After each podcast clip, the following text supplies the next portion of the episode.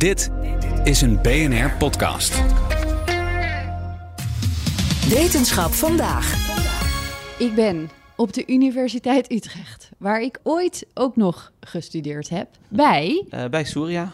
Surya Gaye is mijn uh, volledige naam. En ik zit uh, hier als universitair docent en cognitief neurowetenschapper bij de afdeling experimentele psychologie. En jij en nog andere wetenschappers hier zijn op het moment onder andere bezig met een challenge. Kun je daar iets meer over vertellen? Ja, klopt. Uh, dat is ik en een, en een uh, groepje mensen die toevallig bij mij op de gang zitten. Uh, niet geheel toevallig. Dat is de Boost Je Bewustzijn Challenge. Ja. Georganiseerd vanuit de Universiteit Utrecht. Studium Generale is een orgaan hier binnen. En dat is een citizen science project. En citizen science houdt in dat um, uh, wetenschap ook wordt bedreven door uh, mensen die geen wetenschappers zijn. Dus die kunnen, die kunnen meedoen als participant, uh, die kunnen er wat van leren, die kunnen misschien ook zelf meedenken. Um, en dat is natuurlijk heel belangrijk, want eigenlijk wordt de wetenschap ook gefinancierd door iedereen. Niet alleen maar de drie mensen die hier achter hun kantoortje wetenschapper worden genoemd. Ja, en ik kan me voorstellen dat heel veel onderzoekjes die hier gebeuren, dan, dan schakel je de studenten in als deelnemers. En als je zoiets doet, dan neem ik aan dat je ook mikt op een wat breder publiek dan dat. Ja, precies. Dus zeker hier in de faculteit uh, psychologie is uh, 90% van de, van de studenten zijn denk ik uh, witte vrouwen van ongeveer 23 jaar. Zo, heel specifiek. dat is een heel specifiek. dus eigenlijk alle, bijna alles wat we weten over het brein. Hier, um, ja. Um, is gebaseerd op deze specifieke subpopulatie. Wauw, ja. Wel bizar dat heel veel medicijnen bijvoorbeeld dan vooral op uh, witte mannen zijn getest. Ja. Ja. Uh, in het verleden in ieder geval wordt al beter. En dat hier, hier zijn het allemaal witte vrouwen rond de 23. En dat is waarschijnlijk omdat toevallig bij biomedische wetenschappen weer het merendeel uh, man is of zo. Hè? Dus iedereen heeft dan zijn eigen subpool van, uh, van, ja. van mensen waar ze dan uit vissen. Um, en inderdaad, dus over het brein weten we vooral dingen over um, witte vrouwen van 23. Gaat als goed is verandering in komen. Ja, dat is. Uh, um, waarom een challenge rondom bewustzijn? Wat zijn we ons niet bewust van ons bewustzijn? Ja, ik, ik kijk, ik, ik, zelf is bewustzijn een soort van mijn, mijn, mijn hoofdmoot. Dus dat, dat vind ik zelf het allerfascinerendste en, en interessantste onderwerp dat er is. Dus ik ben misschien een beetje bevooroordeeld. Ja. Uh, maar ik denk wel dat bewustzijn is in principe uh, um, de enige toegangspoort die we hebben uh, tot de buitenwereld. Het enige wat wij meekrijgen van wat er is, uh, dat is dat, dat, uh, het allerlaatste deel van, van, van het verwerkingsproces. Dat is onze subjectieve ervaring van wat er om ons heen gebeurt. Ja. zonder dat bewustzijn is alles, is alles donker in principe. Alleen al dit definiëren is volgens mij ontzettend moeilijk, toch? Ja. Wat is bewustzijn? Wanneer telt iets als bewustzijn? Ja, dat is, dat is moeilijk. Als je in het Engels kijkt, heb je dan de termen consciousness en awareness. Um, en als je dan bijvoorbeeld in, in, in een woordenboek ook zoekt naar consciousness, dan wordt het uitgelegd in termen van awareness. En als je dan zoekt naar awareness, wordt het weer uitgelegd in termen van consciousness. Wat aangeeft dat er eigenlijk niet echt een definitie is. Er is een soort van circulaire, uh, um, ja, een soort circulaire definitie, zodat je eigenlijk nooit de definitie hoeft te geven. Nee. Um, maar voor, voor mij, ik zou het zelf definiëren als um, uh, de subjectieve ervaring die je hebt van bijvoorbeeld jezelf, je gemoedstoestand, de wereld om je heen. Uh, maar vooral dus een subjectieve ervaring. En die is inherent van mij en, en, en die is anders dan die van jou. Ja, en maakt dat ons ook anders van de rest van de diersoorten, bijvoorbeeld? Het maakt al überhaupt uh, uh, jou anders dan mij. Ja. Um, van andere diersoorten is het al helemaal moeilijk voor te stellen hoe die de wereld ervaren. Ja. De, een, een, bekend voorbeeld van, van Thomas Nagel is een um, filosoof, psycholoog, uh, vooral filosoof. En die zegt van, ja, hoe zou het zijn om een vleermuis te zijn? How is it like to be a bat? En, en ja, stel je voor dat je de wereld om je heen bekijkt door, door geluiden te maken um, en door echolocatie teruggekaatst te krijgen hoe de ruimte eruit ziet. Dan ervaar je de ruimte heel anders dan dat jij en ik dat ervaren, die met onze ogen kijken. Ja, wij zijn super visuele uh, dieren, de mens. Wij ja. zijn super visueel ingesteld, Ja, inderdaad. ja, de meeste van ons, inderdaad. Ja, ja. de meeste, niet Ja. iedereen. Dus die, die definitie is niet helemaal duidelijk, of misschien nog lang niet duidelijk. Maar die is wel heel belangrijk om te hebben als je bijvoorbeeld beslist over... eh, moeten we medici- medicatie geven aan iemand die in een coma ligt? Of is dit het einde van iemands leven bijvoorbeeld? Dat soort keuzes. Ja. Dan moet je eigenlijk gewoon heel goed weten... is diegene zich nog bewust? Is er nog sprake van bewustzijn? Ja, je kan het eigenlijk nooit zeker weten. Nee. Eh, je hebt ook de ik denk dus ik ben eh, natuurlijk, Ja. cogito, ergo sum. Eh, dat is het enige wat je zeker weet. En je hebt dus ook een, een stroming, of het is eigenlijk geen stroming, maar je hebt mensen die, die, die zijn solipsisten. En die denken dus ehm, dat de hele wereld ehm, bedacht is door hun eigen bewustzijn. Dus zij zijn het enige bewuste organisme. En de rest is een soort product van hun eh, fantasie, als het ware. Oké. En het is dus geen stroming, omdat elk van die mensen die dat gelooft, denkt dat zij zelf het enige bewuste organisme zijn. Ze zijn het onderling natuurlijk niet eens wie dan dat ene bewuste organisme Nee. is. Want je weet het alleen van jezelf. Ehm, maar in de praktijk kun je wel ervan uitgaan, ehm, vaak een handig ezelsbrugje, dat als een ander organisme, zoals een ander mens of een ander dier of een mens in een andere toestand, ehm, hè, als die vergelijkbaar gedrag vertoont als, als jij en ik, eh, en, en dat het gedrag gepaard is met, met vergelijkbare eh, eh, neurale grondslagen, dat waarschijnlijk hun subjectieve ervaring ook vergelijkbaar is. Ja. Dus op die manier kunnen we bijvoorbeeld zeggen van nou, die en die diersoort, die hebben dezelfde neurale paden voor bijvoorbeeld emotieverwerking. Die reageren hetzelfde op, op, op vervelende prikkels. Dus waarschijnlijk ervaren die ook pijn zoals, zoals wij dat doen. Ja, ja.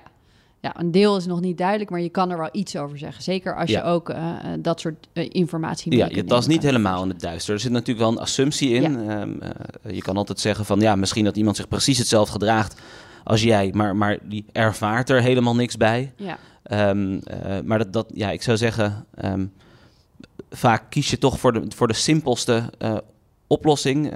Occam's razor heet dat dan. Ehm, eh, om iets te verklaren. En, en dat is dan vaak als echt het, precies hetzelfde gedrag tentoon wordt gespreid, zit er waarschijnlijk wel ook dezelfde subjectieve grondslag eh, aan. ja. Eh, wat zijn de grote vragen in jouw stukje van dit vakgebied? De grote vraag is nou, een, een heel belangrijke, dat is de, de zogeheten heart problem. En dat is, ehm, hoe kan het nou en, en waarom is het überhaupt zo dat we een subjectieve ervaring hebben? Dus er zijn wat, wat neuronen, wat, wat hersencellen die aan het vuren zijn. Ehm, en, en aan de hand daarvan kunnen we gedrag tentoonspreiden. Nou, dat kunnen we aardig verklaren. En dan, maar daarbovenop, los van het, het gedrag dat we tentoonspreiden, voelt het ook als iets om jou te zijn. En voelt het als iets om, om iets te zien. En dat, waarom dat überhaupt nodig is. En, en hoe dat dan tot stand komt, puur door, door een, een, een, een cellen die aan het vuren zijn, dat is de heart problem. En dat, dat blijft on, onduidelijk. Dat, daar zit echt een, een soort een kloof die we nog moeten, nog moeten dichten. Ja, want, want je zou denken, alles wat zover doorgeëvolueerd is, heeft, heeft een nut. Ja, Maar wat dan? Ja, dat, dat is wel een belangrijk punt. En, eh, er, er zijn eh, best wel wat, eh, een paar decennia geleden al wat experimentjes gedaan. Waarbij eh, dan worden woorden worden heel kort eh, getoond op een scherm. Zo kort dat je ze de ene keer wel ziet en de andere keer niet. Maar ze worden precies op dezelfde manier getoond. Maar, eh, eh, en als je ze dan wel ziet, dan zie je dat er heel veel wijdverspreide hersenactiviteit eh, mee gepaard gaat. Hè, om, dat, bewust te verwerken. En als je precies datzelfde woord even lang getoond, maar je hebt het toevallig niet waargenomen, dan heb je alleen maar heel lokaal in je, in je, visuele hersenschors een beetje activiteit. En, en dat laat zien dat dat bewustzijn is heel duur. Dat, dat kost heel veel grondstoffen, heel veel rekenkracht. Ehm, dus gegeven dat dat heel duur is, eh, zal het toch wel een soort eh, doel hebben. Ja, Ehm, en en we weten ook best wel wat van die doelen die het kan hebben. zoals. Eh, dus nou bijvoorbeeld, eh, ehm, we kunnen veel complexere cognitieve operaties loslaten op dingen die we bewust waarnemen. Dus onbewuste waarneming. dus stel, je, je- iets wordt wel, hè, komt wel op je netvlies binnen, komt op je ogen binnen, maar je kunt niet mij vertellen dat je het hebt gezien. Ehm, dan kan het wel je gedrag beïnvloeden, maar meer reflexmatig. Eh, Dus het kan zijn dat er een pijltje naar rechts is en dat ik automatisch met mijn ogen naar rechts beweeg. Dat soort reflexen kunnen onbewust plaatsvinden. Ja. Maar als ik, ehm, eh, als ik heel kort eh, zinnen van een paar woorden heb, waarbij ik dus de verschillende woorden, moet ik de, de semantiek en de betekenis eruit halen. Ik moet die woorden dan combineren om daar iets uit te halen en op basis daarvan mijn gedrag aan te passen, dan lukt dat niet. Nee, Dus als we echt dingen moeten gaan eh, abstraheren, combineren, integreren, dan lijkt daar bewustzijn wel echt voor nodig te zijn. ja, dat is eigenlijk, eigenlijk wel best wel duidelijk al. Ja, Het, het, eh, we zouden niet zo kunnen functioneren als we nu doen, als we dat niet hadden. Dat is duidelijk. nee, anders zouden we een soort van reflexmatig reageren op alles. instinctiefachtig ja, of ja, zo. inderdaad. Ja. Wat, wat ga je nou binnen jouw stukje van die eh, challenge bekijken? Ja, mijn, mijn stukje focust zich heel erg op, op visuele waarneming. Uh, dat is sowieso een leeuwdeel van mijn, mijn onderzoek. Um, um, deels omdat we dus, hè, zoals, je net al zei, wij, als mensen um, berusten we heel erg veel, uh, vertrouwen we heel veel op, visuele informatie. En bovendien is dat ook het, binnen de zintuigelijke verwerking weten we als, wet, als wetenschappers het meeste over visuele verwerking. Dat hebben we het best uitgepluist, geplozen, uh, onderzocht. Uh, dus, dus dat is ook het, het uh, daar hebben we het, het, sterkste fundament om op, om op voor te bouwen. Ja. En um, wat ik onderzoek is um, hoe waarneming um, heel erg berust op predictie, op voorspelling. Dus het is niet zo dat wij op elk moment alles wat voor ons is pixel per pixel moeten verwerken, zoals een, zoals een camera zou doen. Uh, eigenlijk is ons brein een soort predictiemachine. Op basis van onze kennis en verwachtingen kunnen we voorspellingen maken van hoe iets eruit komt te zien. En dan hoeven we alleen maar kort even uh, her en der te kijken om te zien of de werkelijkheid nog wel klopt met onze predictie, met onze voorspelling. Het is een beetje ook wat in taal natuurlijk gebeurt, hè? Ja. Toch? Als je ja. begint aan een zin, dan maakt Ja, je je hersenen steeds- maken eigenlijk die zin al een beetje af. Inderdaad, ja, klopt inderdaad. Dus je voorspelt eigenlijk wat, wat de meest het meest logische vervolg is. En dat is ook in de ruimte. Ehm, en in dit specifieke onderzoek kijk ik naar hoe we ehm, eh, een, een object, dus een, een ding in de wereld, eh, waarnemen afhankelijk van de, van de context, van de scène waarin het zich bevindt. En je kan je voorstellen dat ehm, ehm, objecten in de wereld, die zijn altijd in een, in een, in een visuele omgeving. We, we kijken nooit naar... In het lab heb je heel vaak dat je een object ziet op een grijs achtergrondscherm. En dan kun je vast ook van alles Ja. van leren. Maar in de wereld is hè, een glas water staat op tafel. ehm, een, een auto zit op de weg. En alles zit in een context. En die context, eh, ja, die zou wel eens heel veel nuttige informatie kunnen geven... die ons helpt om die objecten te herkennen. Ehm, en dan kun je allemaal soorten eh, informatie onderzoeken. En één specifiek ding wat ik in dit, deze challenge eh, naar buiten haal... is dat we, we weten heel precies, ehm, afhankelijk van de context... hoe groot een object moet zijn. Stel, ik kijk naar een auto op de weg. Die auto is dan ongeveer net zo breed als de rijbaan. Eh, die auto is ongeveer ehm, eh, een derde zo hoog als, als de boom die ernaast staat. Eh, en weer wat breder dan mensen en fietsen. Dus zodra we deze, eh, een, een, als het ware het landschap of de scène zien... ehm, dan weten we gelijk of iets een auto zou kunnen zijn... puur op basis van hoe groot het ongeveer is. Ja, Dus dan is de vraag, gebruiken wij die informatie? En, en eh, dat heb ik in dit onderzoek getoetst door ehm, eh, objecten zoals auto's... eigenlijk soms op de goede plek te zetten in de scène... en soms op de verkeerde plek. Dat ze gewoon te dichtbij zijn voor hoe groot ze zijn. Dus die auto is dan super dichtbij, eh, maar zo groot eh, eh, als een auto die... is dan, de auto is dan super ver weg en is dan net zo groot als wanneer die dichtbij zou zijn.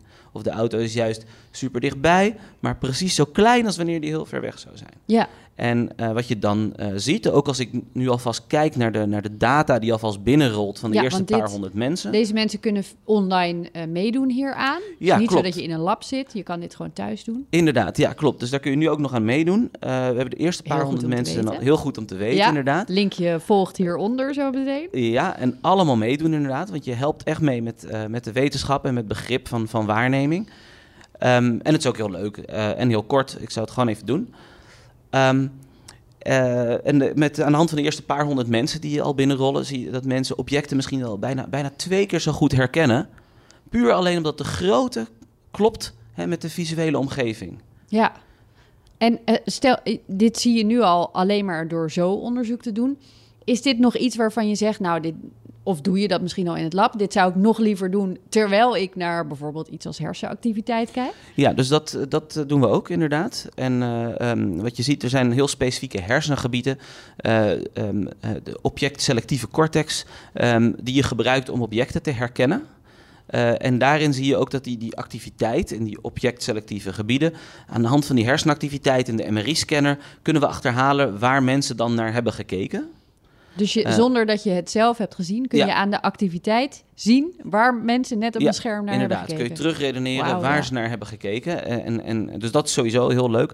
En, en wat je dan ziet, is dat als je dan zo'n een heel vaag plaatje ehm, in een scène, maar wel op de correcte plek hebt, ten opzichte van de incorrecte plek, hè, dat dat object op de correcte plek, dat lijkt als een heel groot en heel duidelijk plaatje van hetzelfde object. Alsof we het echt veel beter, veel scherper waarnemen. Onze- alsof je, alsof het, als het klopt, denkt, dit telt, zeg maar. Ja, ja. In, volgens onze, onze visuele hersenschors ziet dat, ziet dat object, hoe vernacheld het ook is, als het op de goede plek in de scène is, dan ziet het eruit als een heel scherp, heel helder, heel groot, duidelijk Bizar. zichtbaar object. Ja. En zodra het niet klopt, dan negeren we het eigenlijk een beetje. Of Dan zo. is het veel slechter herkenbaar, inderdaad. En dus dat betekent dus ook dat, hè, dat, wat ik net zei, die eerste paar honderd mensen in, het, eh, in dat online onderzoekje laten dat al zien. Hè, dat je een object beter herkent ehm, als het klopt met de, met, de, met de visuele omgeving. Dat laat dus zien dat het is niet alleen zo dat mensen beter raden wat dat object is. Van hé, hey, het, het is de grootte van een auto, dus het zal wel een auto zijn. Eh, nee, wat die, wat die hersenscans dan laten zien, is dat mensen het ook echt meer zien als een auto. Hè? Dus echt de, de bewuste ervaring is meer als een auto. Ja. ja, heel interessant. En dan wordt het natuurlijk ook eh, boeiend om te kijken... wat nou als er bij mensen in dat gebied iets niet werkt. Klopt. Wat heeft dat voor effect op hoe je dan leeft in Ja. deze wereld? Nou, toevallig kun je dat simuleren als iets niet werkt. Er, eh, de- we gebruiken wel eens TMS, eh, transcraniële magnetische stimulatie. Ja. Daarmee kun je eh, magnetische pulsen redelijk gericht op een bepaald hersengebied ehm, ehm, ja, af, afvuren. En, en wat je dan ziet is dat we die objectherkenning, het herkennen van objecten, kunnen we ook echt ehm, daar stevig mee interfereren als we TMS toepassen op die objectselectieve gebieden tijdens dit experimentje. Dus alles wat we hier zien, hè, dat, dat, eh, wat, wat mensen online laten zien in die, eh, in die eh, challenge, dat effect verdwijnt helemaal ehm, als we TMS toepassen op deze objectselectieve gebieden. Oké. En, en als je dat zou vertalen naar iemands dagelijkse leven... stel dat gebied is, functioneert niet goed. Ja, dan wordt het sowieso heel moeilijk om objecten te herkennen, om te beginnen. Ja, maar je, je, je, bent, je kan ook niet eens gebruik maken van de omgeving om je te helpen wat een object, ja, te raden wat een object nou eigenlijk is. ja. Dus je bent dubbel gehandicapt eigenlijk. ja dat wordt heel moeilijk Ja. allemaal. Eh, überhaupt zoiets als de weg terugvinden, kan ik me voorstellen. Of Überhaupt de weg herkennen als een weg wordt al een probleem. Jeetje, ja. Ja. ja. als je er zo over nadenkt, dan is het zo- toch bizar dat het tijd allemaal werkt. Ja, zeker. Toch? Ja, ja, ja. Je hebt bekende gevallen van, van, eh, ehm, eh, van objectagnosie. Dat zijn mensen die in principe... Hè, bij de oogarts zouden ze met een eh 100% score wegkomen. Eh, maar leggen een object voor ze neer, wat het ook is. Ze zeggen, nou, ik, ik zie het gewoon niet. Ik zie dat het een beetje horizontaal is en er zit iets ronds op en er zitten een paar gaatjes in. Dus misschien is het, en dan kunnen ze zo raden wat het is Redeneren. ja. redeneren, maar ze zien het object niet. Terwijl hè, de, de ogen doen het perfect. De optometrist zou ze meteen een 10 geven, maar eh, eh, ehm, die objectselectieve gebieden doen hun werk niet. Nee, en, en is het uiteindelijk het doel van jouw eigen onderzoek... ehm, aan de ene kant kan ik me voorstellen... gewoon meer begrip over hoe dit in elkaar zit... Mhm. maar ook wil je er ook uiteindelijk mensen mee kunnen helpen? Ja, het is altijd een beetje een, een, een tweeluik. Enerzijds is het nieuwsgierigheid gedreven onderzoek, omdat ik gewoon wonderlijk vind dat we überhaupt een ervaring hebben van de wereld. Ja, Ehm, anderzijds zijn er wel heel directe toepassingen. Dus bijvoorbeeld objectherkenning, en zeker in de context van, van de weg en het verkeer. Ehm, er zijn nu heel veel eh, ontwikkelingen eh, op het gebied van machine vision. Hè, dus eh, computeralgoritmes zelfrijdende eh, auto's. in zelfrijdende auto's, precies. Ehm, eh, die dan in razendsnel tempo andere verkeersgangers moeten herkennen, verkeersborden moeten herkennen, een kind dat oversteekt moeten herkennen als, als dusdanig, de rijstrook moeten herkennen. Ehm, en dat soort algoritmes doen het in beginsel supergoed. Ehm, ze kunnen redelijk snel hè, een, een persoon herkennen, maar ze maken ook heel vreemde fouten die wij niet maken. Dus als er ergens een, een billboard is met een persoon van 20 meter hoog, dan denk je daar is iemand en ze trappen vol op de rem. Ja, Nou, als je dan gebruik maakt, ja. hartstikke gevaarlijk inderdaad. En als je dan gebruik maakt van dit soort ehm, ja, algoritmes die mensen toepassen, hè, zoals, zoals ik nu onderzoek, dat, dat we eerst kijken naar de scène, naar de omgeving en daarmee afbakenen hoe, gro- hoe groot of überhaupt hoe een object er op die plek waarschijnlijk uit komt te zien. ehm, dan kun je al heel veel potentiële object- objecten wegstrepen. Weet je, dat kan geen auto zijn. Eh, dat kan geen mens zijn, maar dat is te groot. Of dat is te donker gegeven de context. ja. Hè, dus ehm, eh, als we dat implementeren, dan zouden dat soort problemen ehm, weg zijn. En dat is iets waar we nu mee bezig zijn, om dat echt te implementeren in die eh, machine vision algoritmes voor zelfsturende auto's. Ja, en daar kunnen we dus allemaal aan bijdragen door even mee te doen aan deze challenge. Je bent niet de enige, eh, zeiden we al even. Er lopen Ja. meer onderzoeken binnen eh, deze bewustzijnschallenge.